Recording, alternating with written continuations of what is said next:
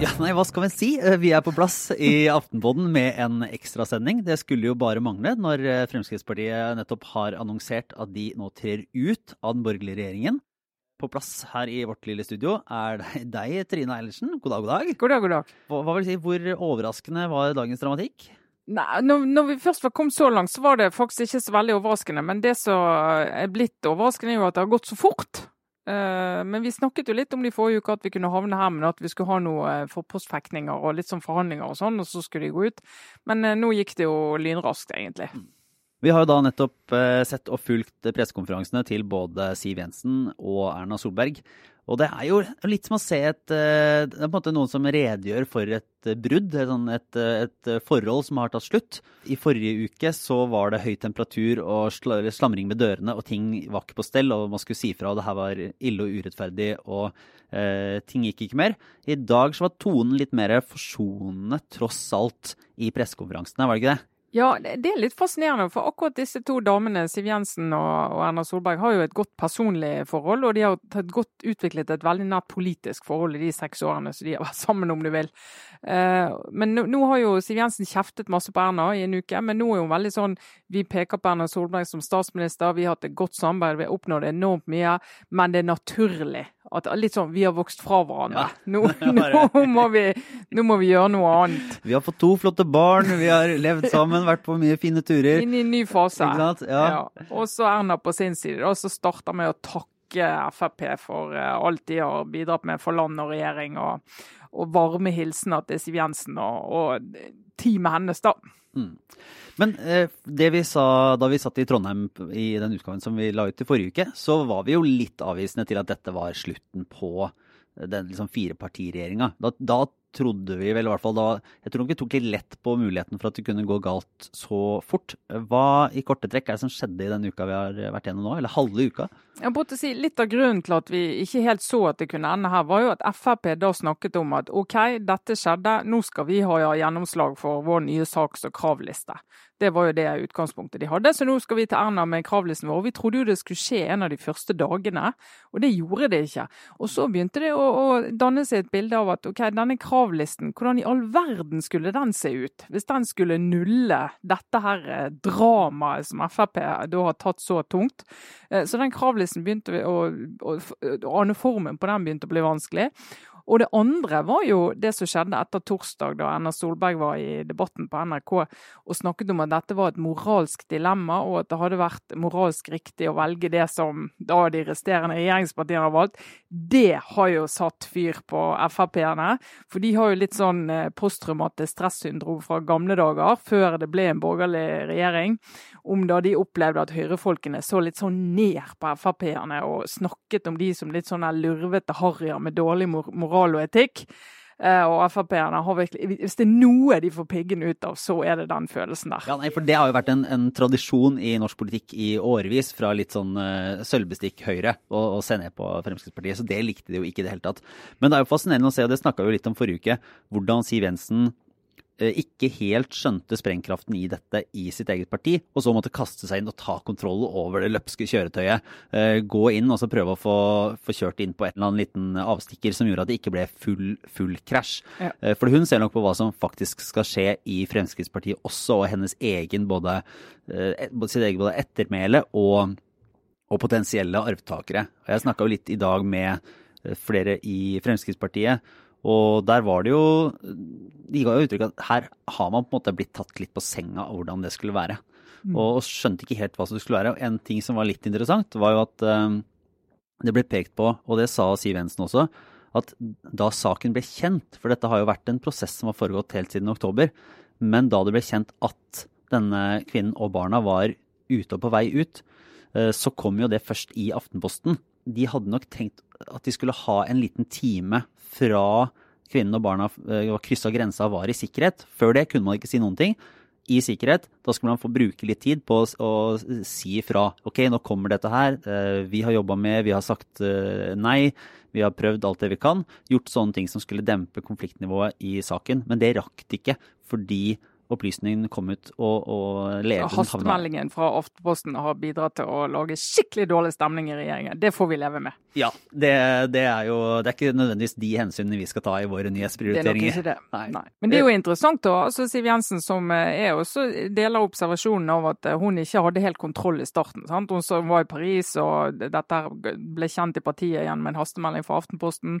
Eh, hun skal prøve å bremse effekten av dette her og liksom dramaet.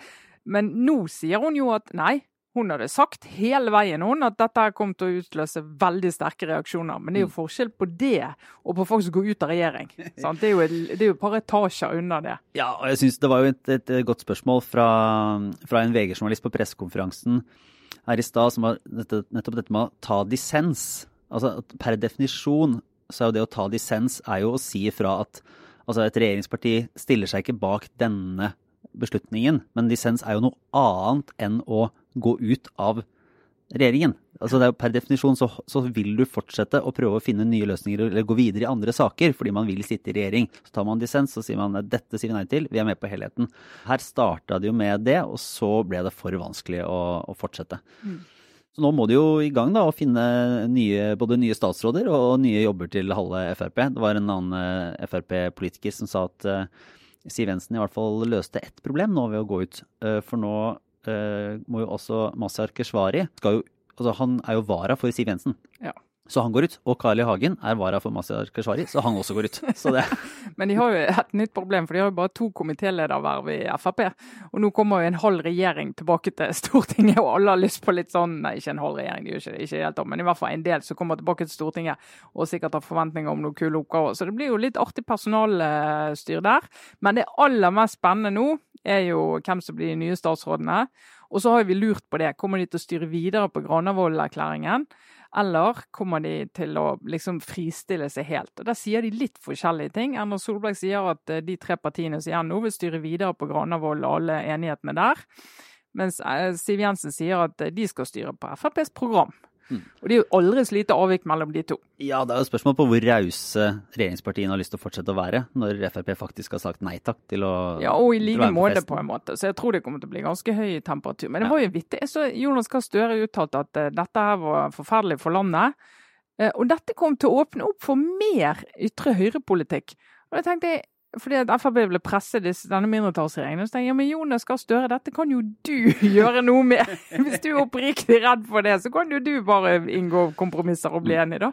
Jeg snakka med Arbeiderpartipolitikere i dag. Det er litt sånn spesielt å gå rundt på Stortinget på sånne dager der alle går og venter på noe. fordi de alle, Ingen får gjort noe. Nei, nei, nei. De andre partiene så de, de sier liksom nei, vi tenker bare på vårt, og vi fortsetter å skal komme med gode politiske løsninger for framtida. Ja, ja, ja. Lykke til. De sitter og følger med hele tida. Eh, men det er jo ikke sånn, til tross for at Siv Jensen tidligere har sagt at at, ikke, at, Frp ikke vil støtte en regjering de ikke sitter i mm. selv. Mm. At de kommer til å Det virker ikke å gjelde lenger. Nå har hun også sagt at det er naturlig at Erna Solberg fortsetter, og mm. kan fortsette sammen med med Venstre og KrF. Mm. Men uh, det skal litt til før hun uh, eventuelt feller den regjeringen og innsetter Jonas Gahr Støre.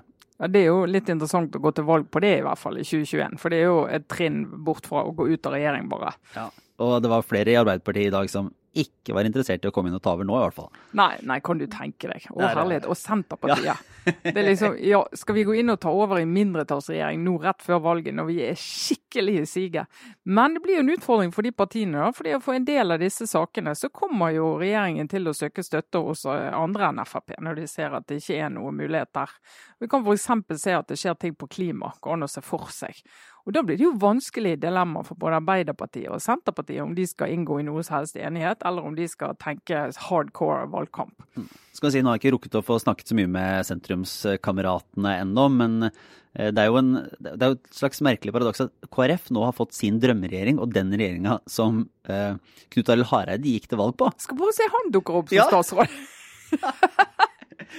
og så blir det jo veldig spennende å se om eh, Siv Jensen faktisk vil fortsette, da. Ja, det, blir, det er reelt spennende. Klart Hun er jo nødt til å si det, for en partileder og en statsråd sitter helt til det er bestemt at de ikke gjør det lenger. Så hun kan liksom ikke begynne å lufte at ja, kanskje jeg skal finne på noe annet å gjøre.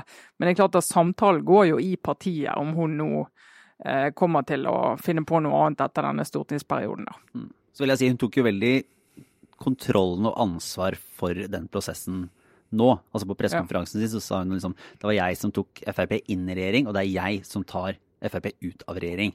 Ja. Uh, og som uh, noen i Frp sa, så der er det jo faktisk sånn at det å gå ut av regjering kan være med på å styrke tilliten og styrke posisjonen hennes. For det har vært såpass delt i hele partiet over lengre tid at, at det ikke er noen uh, umiddelbar nedtur å ta ut uh, partiet. I hvert fall på en sak som de da mener er, uh, er betydningsfull, og som, som, de sier at Frp-synet her var jo at, at, de ikke ville ta imot noen som hadde tilknytning til IS og terror, og så mot det som skjedde i London her tidligere, der noen som da var ok, hadde sittet i fengsel noen år, vært involvert i islamistisk terror, og så går ut og begår en forbrytelse. Det var på en måte sett på som den dilemmaet og, og, posisjonen til Frp. da, fordi sikkerhets, sikkerhets og, og, kriminalitetspolitikk er jo noe av det Fremskrittspartiet har vært sterke på og sett på som en kjernesak for dem eh, hele veien. Mm.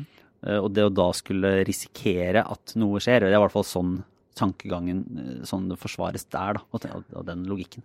Men det, jo, det, går jo an å tenke seg hvis de ellers hadde vært kjempefornøyd med livet i regjering og tenkt at det her var helt tipp topp.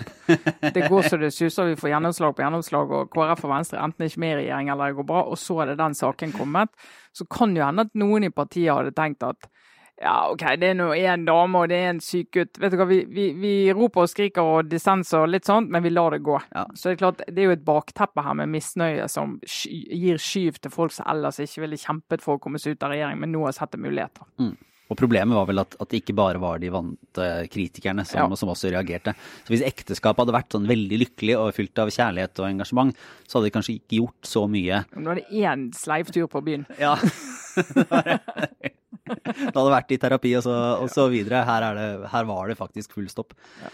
Eh, men vi skal vel eh, videre. Eh, vi kommer tilbake til her på torsdag. Definitivt. Men vi måtte ha en liten debrief. Ja, vi måtte, vi måtte ha litt terapi, vi òg. Ja.